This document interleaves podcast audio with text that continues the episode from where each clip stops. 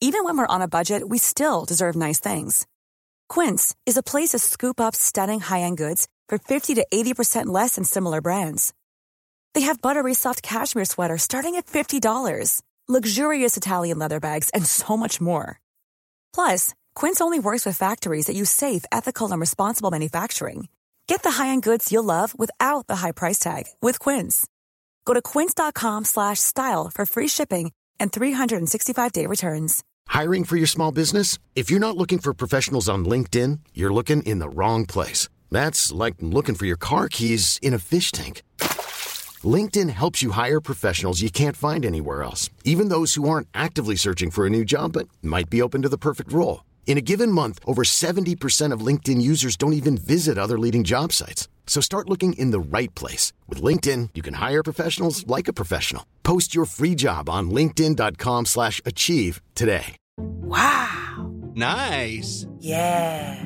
What you're hearing are the sounds of people everywhere putting on Bombas socks, underwear, and t-shirts made from absurdly soft materials that feel like plush clouds. Yeah, that plush. And the best part? For every item you purchase, Bombas donates another to someone facing homelessness. Bombas. Big comfort for everyone. Go to bombas.com slash ACAST and use code ACAST for 20% off your first purchase. That's bombas.com slash ACAST. Code ACAST.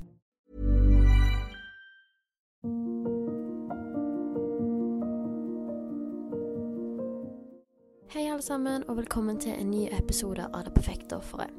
I dag så skal jeg svare på deres spørsmål og snakke litt om hva som på en måte var redningen min, og på en måte gjorde at jeg kom til det stedet som jeg er i dag, da. Og jeg har spurt dere om spørsmål på Instagram min, Therese Sorenes. Gjerne følg meg der hvis at du vil eh, høre litt mer om min historie og livet mitt og psykisk helse, og se hva mer jeg deler i hverdagen min. Så finner du mye mer der. Uansett så har dere sendt inn mange kjempebra spørsmål, og noen vanskelige spørsmål. Noen dere ikke har så veldig bra svar. Men det tenker jeg er helt greit. Og ingen spørsmål er dumme. Har du noe du lurer på, send meg en DM. DM-en er alltid åpen om du trenger å snakke. Trenger å lette på skuldrene dine. Trenger en støttespiller, eller trenger noen tips eller råd, eller hva det nå må være, så er innboksen min alltid åpen. Jeg tror vi bare hopper i gang med det første spørsmålet, er hvordan du kom deg videre i livet.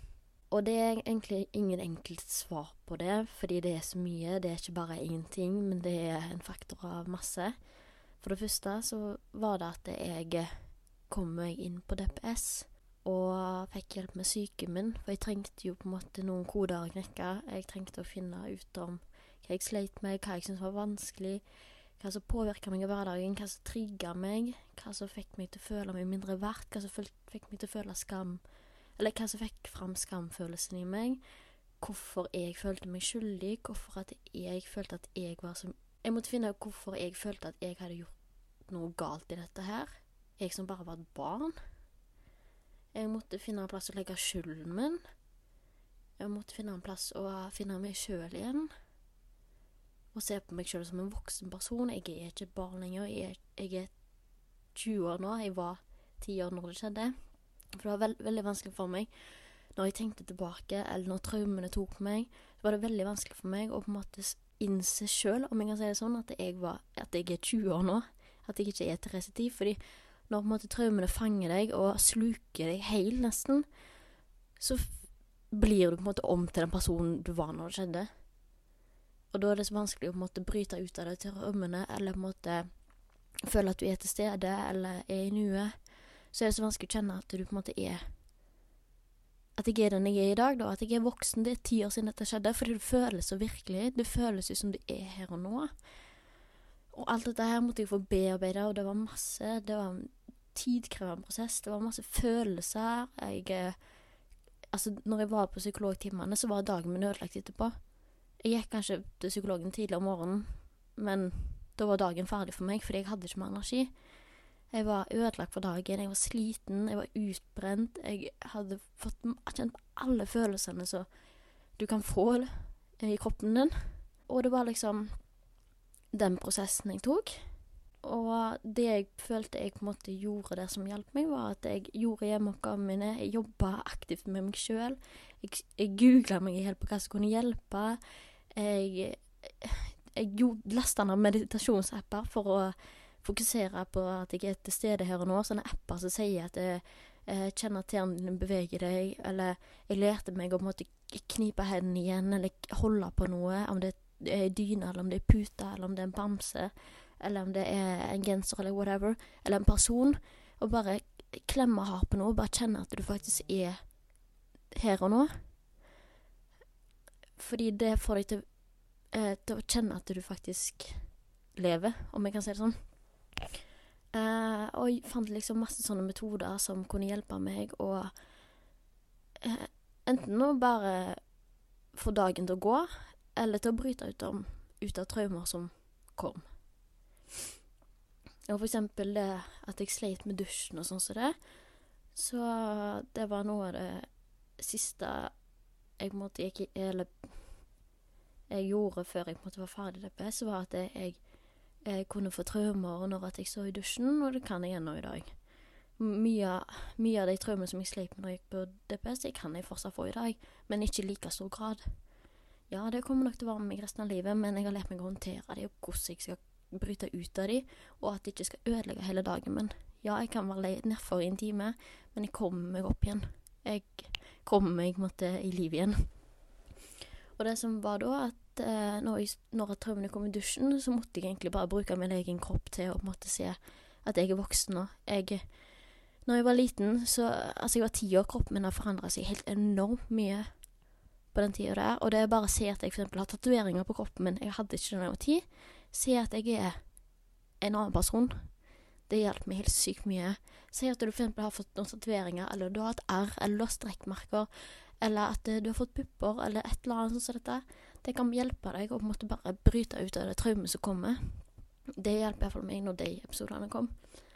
Um, og ellers så var det støtte fra menneskene rundt meg. Jeg har vært veldig heldig der. Det er ikke alle som har den støtten og det støtteapparatet rundt seg, sånn som jeg har hatt. Jeg har hatt eh, familie, jeg har hatt eh, Foreldrene mine har vært der. Søsknene mine har vært der. Vennene mine har vært der. Kjærester har vært der.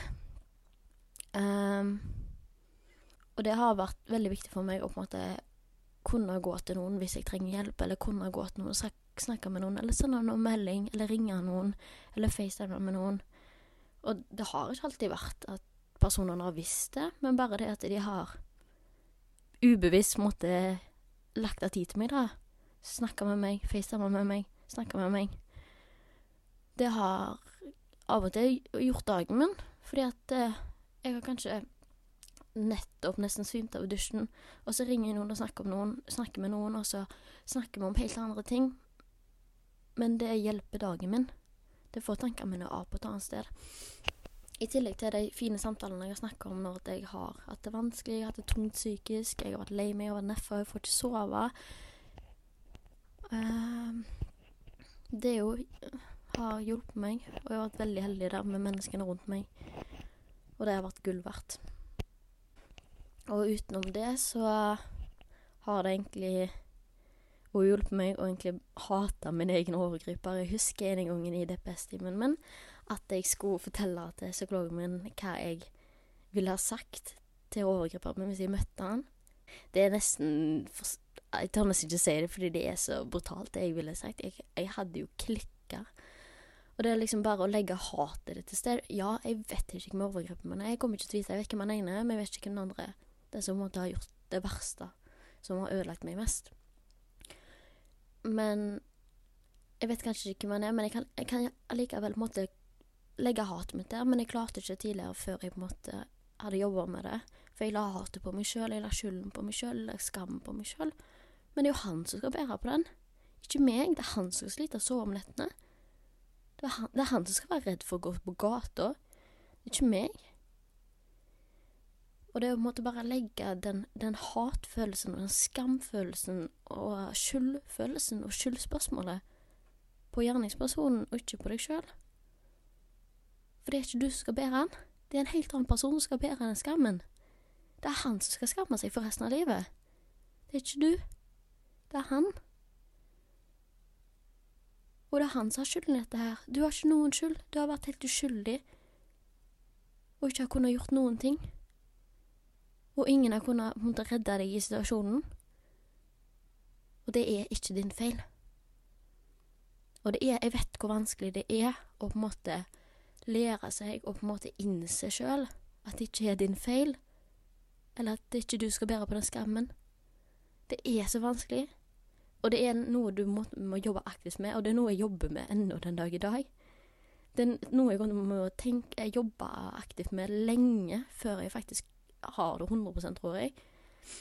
Om jeg noen gang kommer til å klare det. Men det er så viktig å jobbe med det.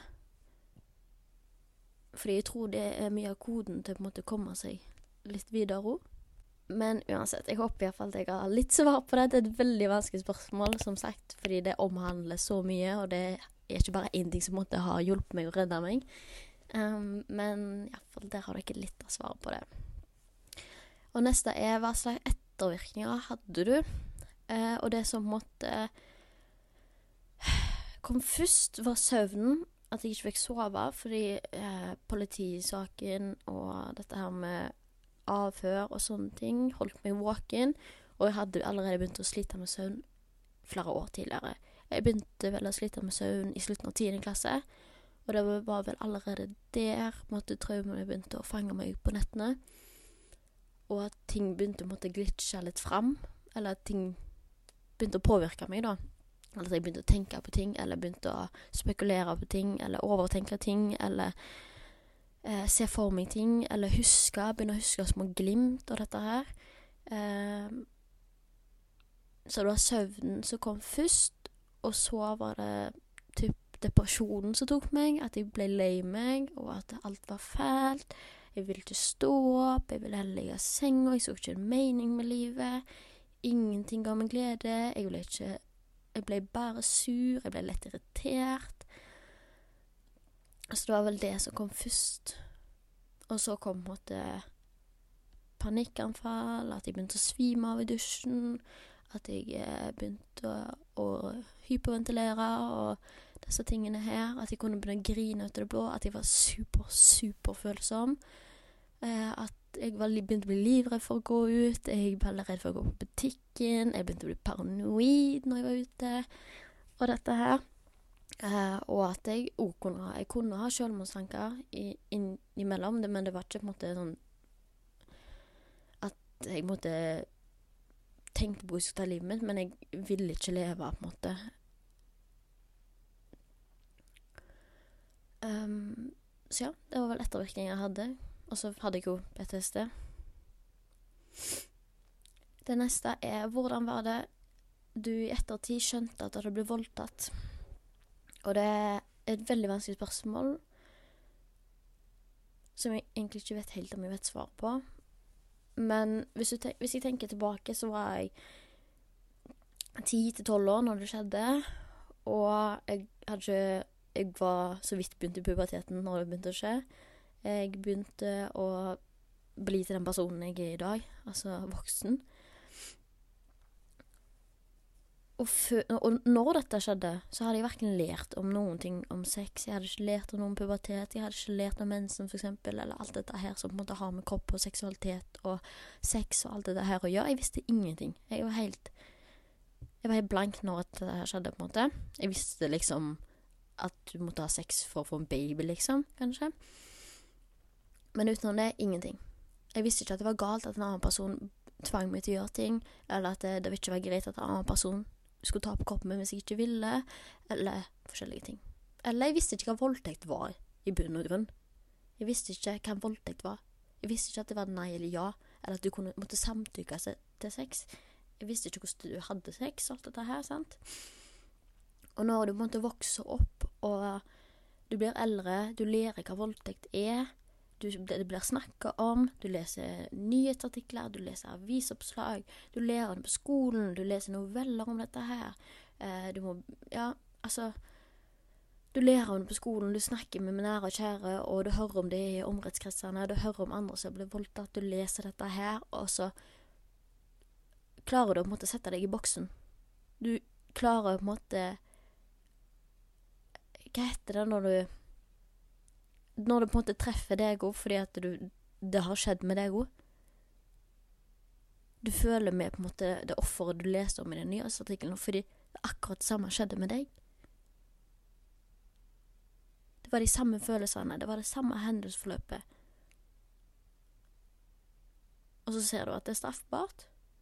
Og så i tillegg, så når at, når at jeg gikk fra 10 til 18 år, fordi jeg fortalte det jo når jeg var 18 år, så gikk jeg med en så stor følelse at jeg bærte på en så stor hemmelighet, fordi at jeg var så redd for at jeg hadde gjort noe galt. Jeg hadde jo ennå måttet gått, gå med dette her skyld, skyldfølelsen og skammen og alt dette her.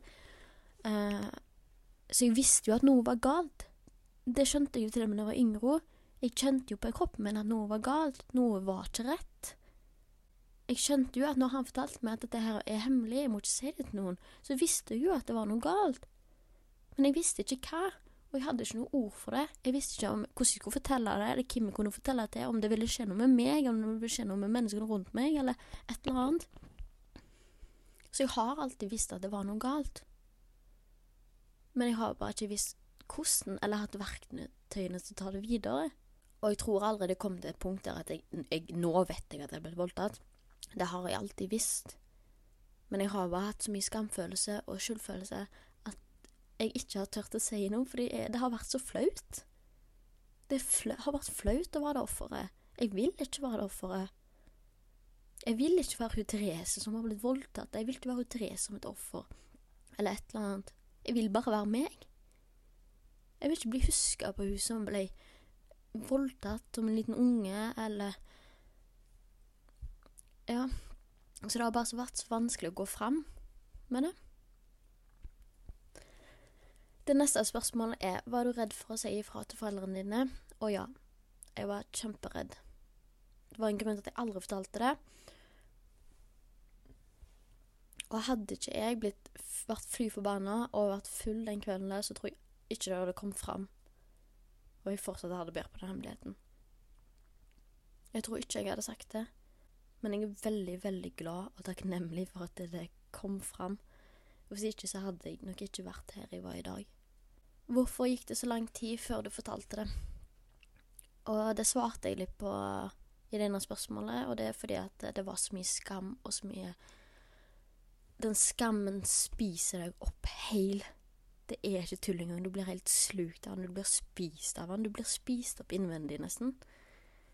Og den der skylden du føler på når du ikke har gjort noe galt Du vet at når du på en måte vet at du har gjort Du på en måte føler at du vet at du har gjort noe, eller vet at du har gjort noe, så har, føler du på en sånn sinnssyk skamfølelse. Bare gang det med ti. Og i tillegg så er det ikke din feil. Men du har ingen plass å legge skylden. Så det var det som gjorde at det gikk så lang tid. Og jeg tror det hadde tatt enda lengre tid hvis at det, ja, jeg ikke var på den festen den kvelden, eller at jeg ikke var så full som jeg var. Så tror jeg det hadde tatt enda lengre tid før jeg hadde sagt det, for jeg tror ikke jeg hadde hatt motet nok til å si det. Og hvis du ser på hva gjennomsnittsalderen er, jeg tror det er 10 eller 17 år, og det sier litt. Hvordan sa du det til foreldrene dine? Eh, ja, jeg sa det når jeg var full. Vi hadde litt familieproblemer eh, hjemme pga. noe helt annet. Men jeg var så, for, så fullt opp av de greiene der, og jeg hadde, jeg hadde, ikke plass til å ha det inni meg. på en måte. Jeg hadde ikke noe, mer krefter til å bære på det i tillegg til det jeg bærte på alene. Så det bare eksploderte for meg den ene kvelden. Og så hadde jeg promille i tillegg, at jeg var full. Og da bare var jeg, hadde jeg nok. Jeg hadde nok. Jeg var overloada. Jeg var full av følelser, og jeg var så trigga at jeg bare eksploderte ut. Men skulle jeg sagt det på en annen måte, så hadde jeg nok sendt det over en melding. For jeg tror jeg aldri hadde klart å sagt det verbalt. Jeg, synes, kan, jeg kan fortsatt synes at det er vanskelig å snakke om. Jeg kan fortsatt synes at det er vanskelig å si ordene. Fordi at Jeg vil ikke si det ut av munnen min. Jeg skulle heller ønske at, jeg skulle ønske at det ikke skjedde, og har, jeg vil ikke si det ut av munnen min. Men jeg hadde nok eh, sendt en melding til enten en forelder eller en søsken eller ei venninne eller en lærer eller et eller annet, og bare skrevet det. I'm Sandra, and I'm just the professional your small business was looking for. But you didn't hire me because you didn't use LinkedIn jobs. LinkedIn has professionals you can't find anywhere else, including those who aren't actively looking for a new job but might be open to the perfect role, like me. In a given month, over 70% of LinkedIn users don't visit other leading job sites. So if you're not looking on LinkedIn, you'll miss out on great candidates like Sandra. Start hiring professionals like a professional. Post your free job on linkedin.com/achieve slash achieve today. Wow. Nice. Yeah. What you're hearing are the sounds of people everywhere putting on Bombas socks, underwear, and t-shirts made from absurdly soft materials that feel like plush clouds. Yeah, that plush. And the best part? For every item you purchase, Bombas donates another to someone facing homelessness. Bombas. Big comfort for everyone. Go to bombas.com slash ACAST and use code ACAST for 20% off your first purchase. That's bombas.com slash ACAST. Code ACAST. Jeg bare skrevet opp notatene mine, og heller bare sendte den når jeg følte meg litt klar for å sende den. For da begynner bare ballen å rulle. Og da blir det enklere neste gang. Fordi hvis du, hvis du sender en melding, så er det ikke du som tar opp samtalen. Da er det nok deg som tar opp samtalen med deg, og da er det kanskje litt enklere for deg å uttrykke deg. Syns du det var skummelt å anmelde? Det var ikke jeg som anmeldte det. Det var jeg som gikk på avhørene, ja, men foreldrene mine var de som gikk på politistasjonen og anmeldte det. Og så ble jeg oppringt av sedelig, sedelighetspolitiet, tror jeg dette. Eh, og hun skulle føre avhørene da, og så avtalte vi tid for avhør, og så begynner du sånn med bistandsadvokat og alt dette her. Men jeg eh, Jeg syntes det var Tanken på at jeg skulle gå og anmelde det, og tanken på at jeg måtte sitte med fremmede og snakke om det, var kjempeekkel. Det var, et, det var så skummelt at jeg eh, Det var Jeg visste ikke om jeg kom til å møte opp engang. Men mamma kjørte meg til politistasjonen, så jeg møtte jo opp. Men det var helt forferdelig. Men mer om sånn anmeldelse og det der kan du høre i mine tidligere episoder. Hvis du ønsker det. Men jeg anbefaler selvfølgelig alle til å anmelde, fordi selv om at det er vist at du, det er vanskelig å få saken din gjennom, eller vanskelig med bevis, selv om at mange har hatt kjempegode bevis og har allikevel fått saken sin henlagt, så er det det, hvis det går gjennom, så er det en seier for alle oss ofre. Det er ikke bare en seier for din sak, men det er en seier for alle. Og at eh, systemet kanskje en dag blir bedre enn det det er i dag. Og hvis du anmelder, så kan det være at andre har anmeldt den samme personen som deg tidligere. For det vet du ikke før du har anmeldt. Det kan være at det har vært tre andre før deg som har anmeldt det, og du er den siste til å tippe begeret til en rettssak. Og det, det er verdt det. Hva skremmer deg i dag? Det som skremmer meg i dag, er at eh, jeg er veldig redd for at han fortsatt holder på i dag. Enten om det er fysiske overgrep eller digitale overgrep. Og nå snakker jeg om han Martin, som jeg har snakket om tidligere. Fordi at eh, når jeg skulle anmelde det, og hvis jeg sjekker i dag, så står det faktisk at aktiv for flere dager siden, og jeg får det ikke ut av hodet. Jeg ser for meg at han holder på med andre små barn i dag, og sånn som han, han ville ha bilder og videoer av vennen min og sånn som det, uansett hva kjønn det var. Eh, at han ikke bryr seg om alder, han bryr seg ikke om kjønn. Og da tenker jeg sånn Hvor er grensene hans? Hva andre fæle ting kan han gjøre? Eller han andre som eh, bare skjedde på Norway Cup. Altså, hvem andre har han gjort dette med? Hvem andre småunger har han drevet på med? Barn? Det er skummelt å tenke på, syns jeg. Og ikke bare for min egen del, men for alle, andre. Ja, jeg er redd for å møte på dem, eller redd for at noe skal bli lekka på nettet, eller whatever. Men det, den der følelsen av at jeg vet hva de er i stand til å gjøre, og ingenting blir gjort. Ingen fuckings ting blir gjort. Verken så tar politiet tak i det, ingen tar tak i det. Det bare er en sky oppe i lufta som ingen tar tak i. Det er ingen som gjør noen ting for å stoppe det. Ingen. Det gjør meg forbanna. Og at de kan sitte og holde på fritt akkurat sånn som de ønsker. Det får meg til å klikke. For ja, det skjedde med meg. Og det kan ikke endres på. Men hvorfor i helsike skal de få lov å fortsette på den dag i dag? Det skjønner ikke jeg. Hvordan var, Hvordan var det når henleggelsen kom? Eh, som jeg sa, så måtte jeg jo på en måte bite meg litt sammen, for jeg satt i bilen med pappa, og jeg holdt jo på å sprekke. For det kjentes ut som Du vet når en bygning raser? Det kjentes ut som hele meg innvendig bare raste sånn. For det føltes ut som bare alt var meningsløst. Altså, hva var vitsen med at jeg gikk gjennom denne helt forferdelige smerten med å sitte der og bete ut om alt og ingenting? Og så er det et papir jeg skal få i, i postkassen. Er det det historien min er verdt? Er det den smerten jeg har måttet gå gjennom for å få et papir i postkassen, liksom? Det var det jeg følte på. At jeg bare ble, en, ble et, enda et tall i en statistikk av henleggelser. At det var sant, alt det som sto på nett. At alt blir henlagt. Det var det jeg følte meg som. Og det er det jeg syns er forferdelig, at så mange ofre må føle den følelsen jeg følte når jeg åpna det brevet. Og ingen tilbud om hjelp i etterkant. Det må du klare sjøl. Men hvordan i alle dager skal systemet forvente at unge små jenter, eller gutter for den del, skal komme seg videre helt ut av det blå? Så ja, det var det jeg følte når henleggelsen kom, kom, og ja, jeg klarer fint å leve med det i dag. Jeg skulle selvfølgelig ønske at han var straffedømt, og skulle vært burt innenfor resten av livet. For den smerten han har påført meg, og kanskje andre. Men jeg kan ikke gå rundt og være bitter og sur på det resten av livet, for da klarer ikke jeg å leve det livet jeg ønsker. Jeg har følt på han, og jeg kan føle på han, men han skal ikke ta over livet mitt. Neste spørsmål er Jeg sitter inne med en historie og tør ikke åpne meg. Hvordan kan jeg gjøre det? Da ville jeg ha gjort det samme som jeg sa tidligere. Jeg ville sendt en melding til noen du stoler på, noen som du føler du kan åpne deg til. Og bare begynt der. Ta små steg. Ikke overbelast deg selv og følelsene dine. Ta små steg om gangen, og ikke gjør for mye. Men ta små skritt hele tida. For da blir det alltid nærmere til å At det blir enklere å snakke om. Det neste er Er du redd for å møte på overgrepene dine? Og ja, jeg er redd for dem. For jeg er redd for å bli kjent igjen av dem. At de vet hvem jeg er, at de ønsker å gjøre noe med meg i dag, at de vil voldta meg på ny, eller de ville slå meg, eller et eller annet, eller Ja, at de skal skade meg på noen som helst måte, da. Det kan jeg være redd på. Det var derfor jeg var redd for å gå ut døra nå.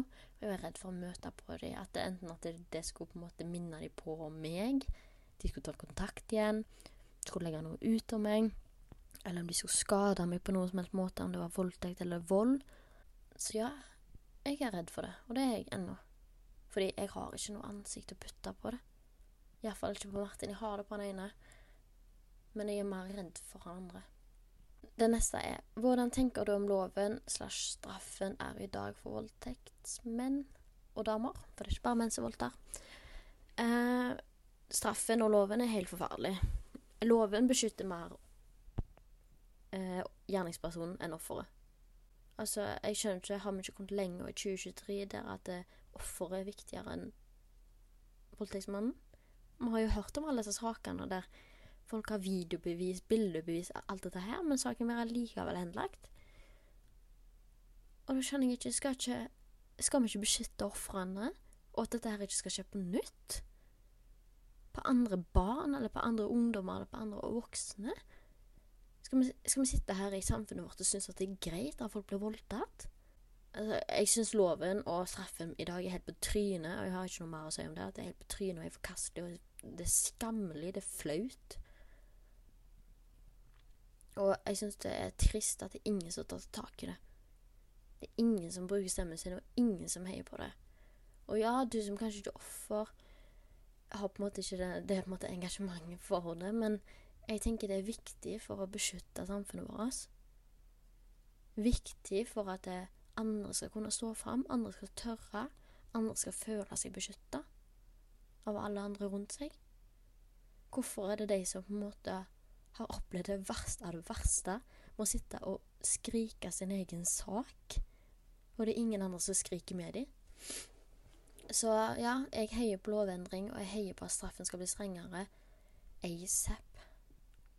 Og da håper jeg andre tenker òg. Det neste er det, det ser ut som du lever et så fint liv. Hvordan klarer du ikke å la det påvirke hverdagen din lenger? Og ja, det kan se ut på sosiale medier som jeg lever drømmelivet og har det kjempefint og har fantastisk og alt dette her, og har et kjempefint forhold og alt dette her. Men jeg kan ha dårlige dager, jeg òg. Jeg kan reagere på en dårlig måte pga. det som skjedde meg. Jeg kan eh, få traumer, jeg kan få panikk, jeg kan få angst, jeg kan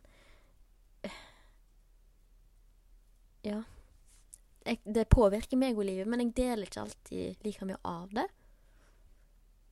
Fordi at jeg, Som jeg sa, jeg vil ikke ba bare være hun offer Therese, hun voldtektofferet. Jeg vil være Therese uten det òg. Og derfor deler jeg ikke alltid om at jeg har en dårlig dag eller et eller annet på grunn av det. Fordi jeg vil ikke at det på en måte skal være hele livet mitt. Og jeg har liksom tatt såpass mye av kontrollen tilbake at jeg prøver på en måte å heller snakke om det som har skjedd. Og dele hvordan jeg har kommet der at jeg er i dag, istedenfor å dele mye om de dårlige dagene mine.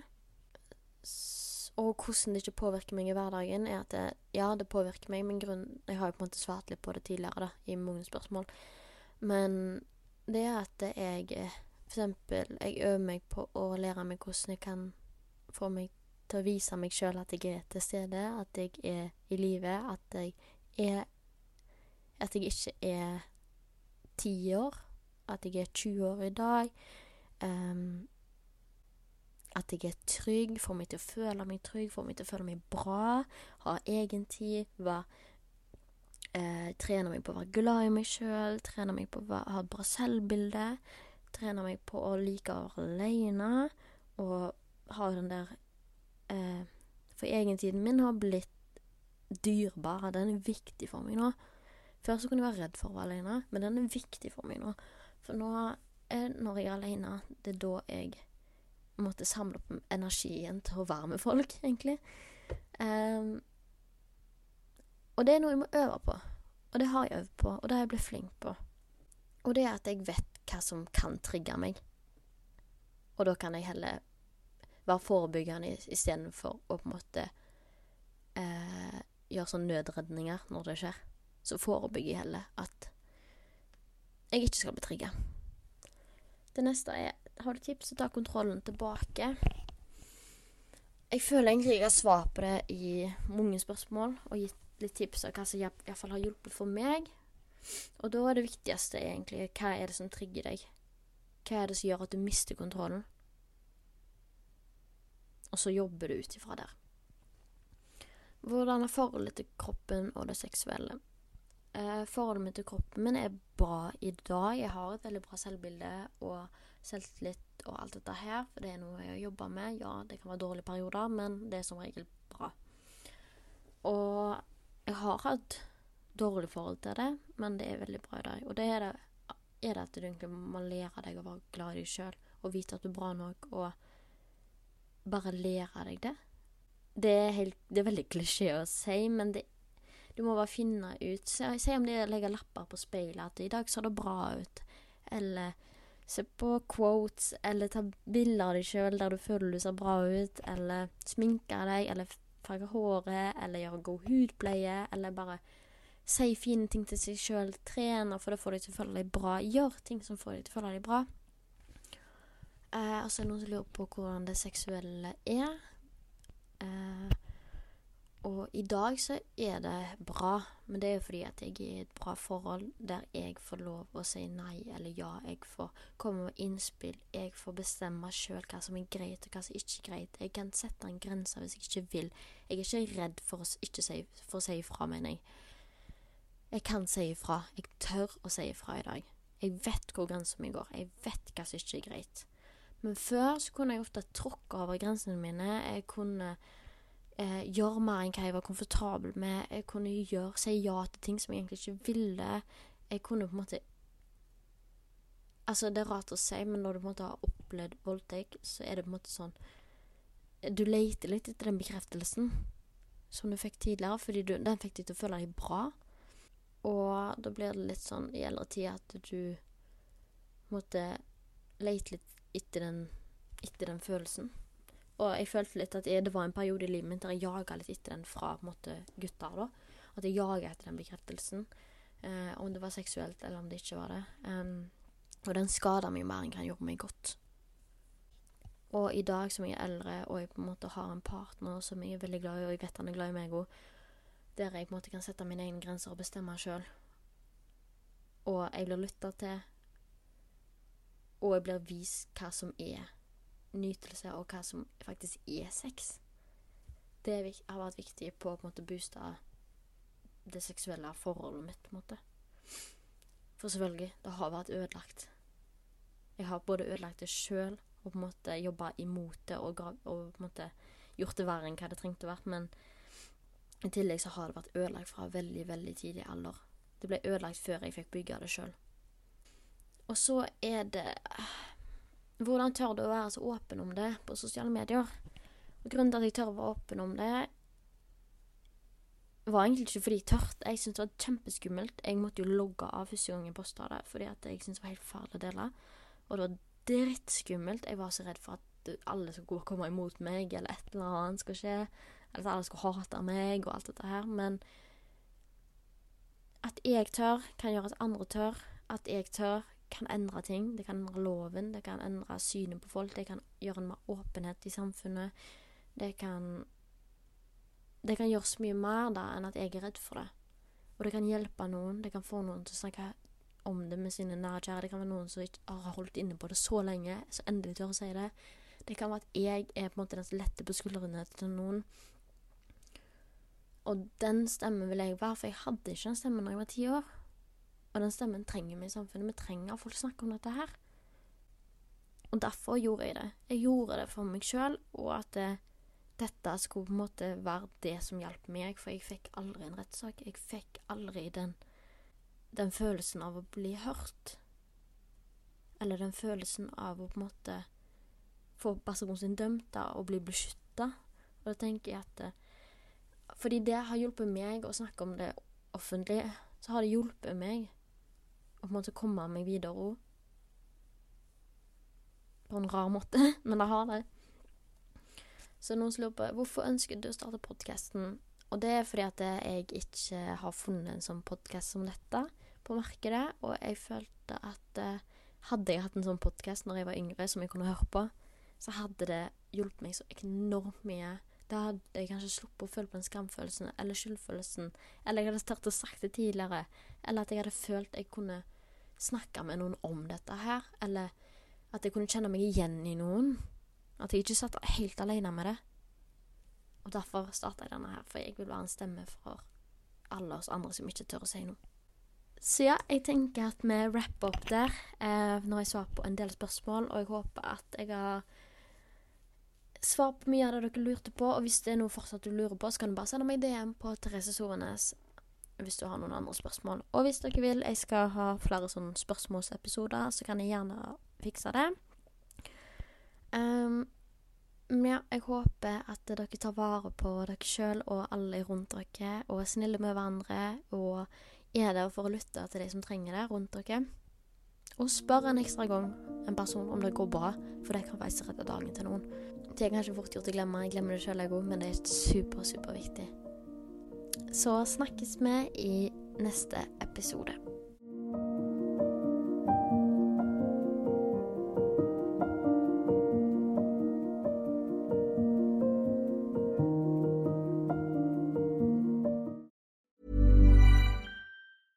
Hey, it's Paige DeSorbo from Giggly Squad. High quality fashion without the price tag. Say hello to Quince. I'm snagging high-end essentials like cozy cashmere sweaters, sleek leather jackets, fine jewelry, and so much more. With Quince being 50 to 80% less than similar brands. And they partner with factories that prioritize safe, ethical, and responsible manufacturing. I love that. Luxury quality within reach. Go to quince.com slash style to get free shipping and 365 day returns on your next order. Quince.com slash style. When you make decisions for your company, you look for the no brainers. And if you have a lot of mailing to do, stamps.com is the ultimate no brainer. It streamlines your processes to make your business more efficient, which makes you less busy. Mail checks, invoices, legal documents, and everything you need to keep your business running with stamps.com. Seamlessly connect with every major marketplace and shopping cart. Schedule package pickups and see your cheapest and fastest shipping options from different carriers with rates up to 89% off USPS and UPS rates. And with the Stamps.com mobile app, you can take care of mailing and shipping wherever you are. Make the same no-brainer decision as over 1 million other businesses with Stamps.com. Sign up with Code PROGRAM for a four-week trial, plus free postage and a free digital scale. No long-term commitments or contracts. That's Stamps.com. Code PROGRAM.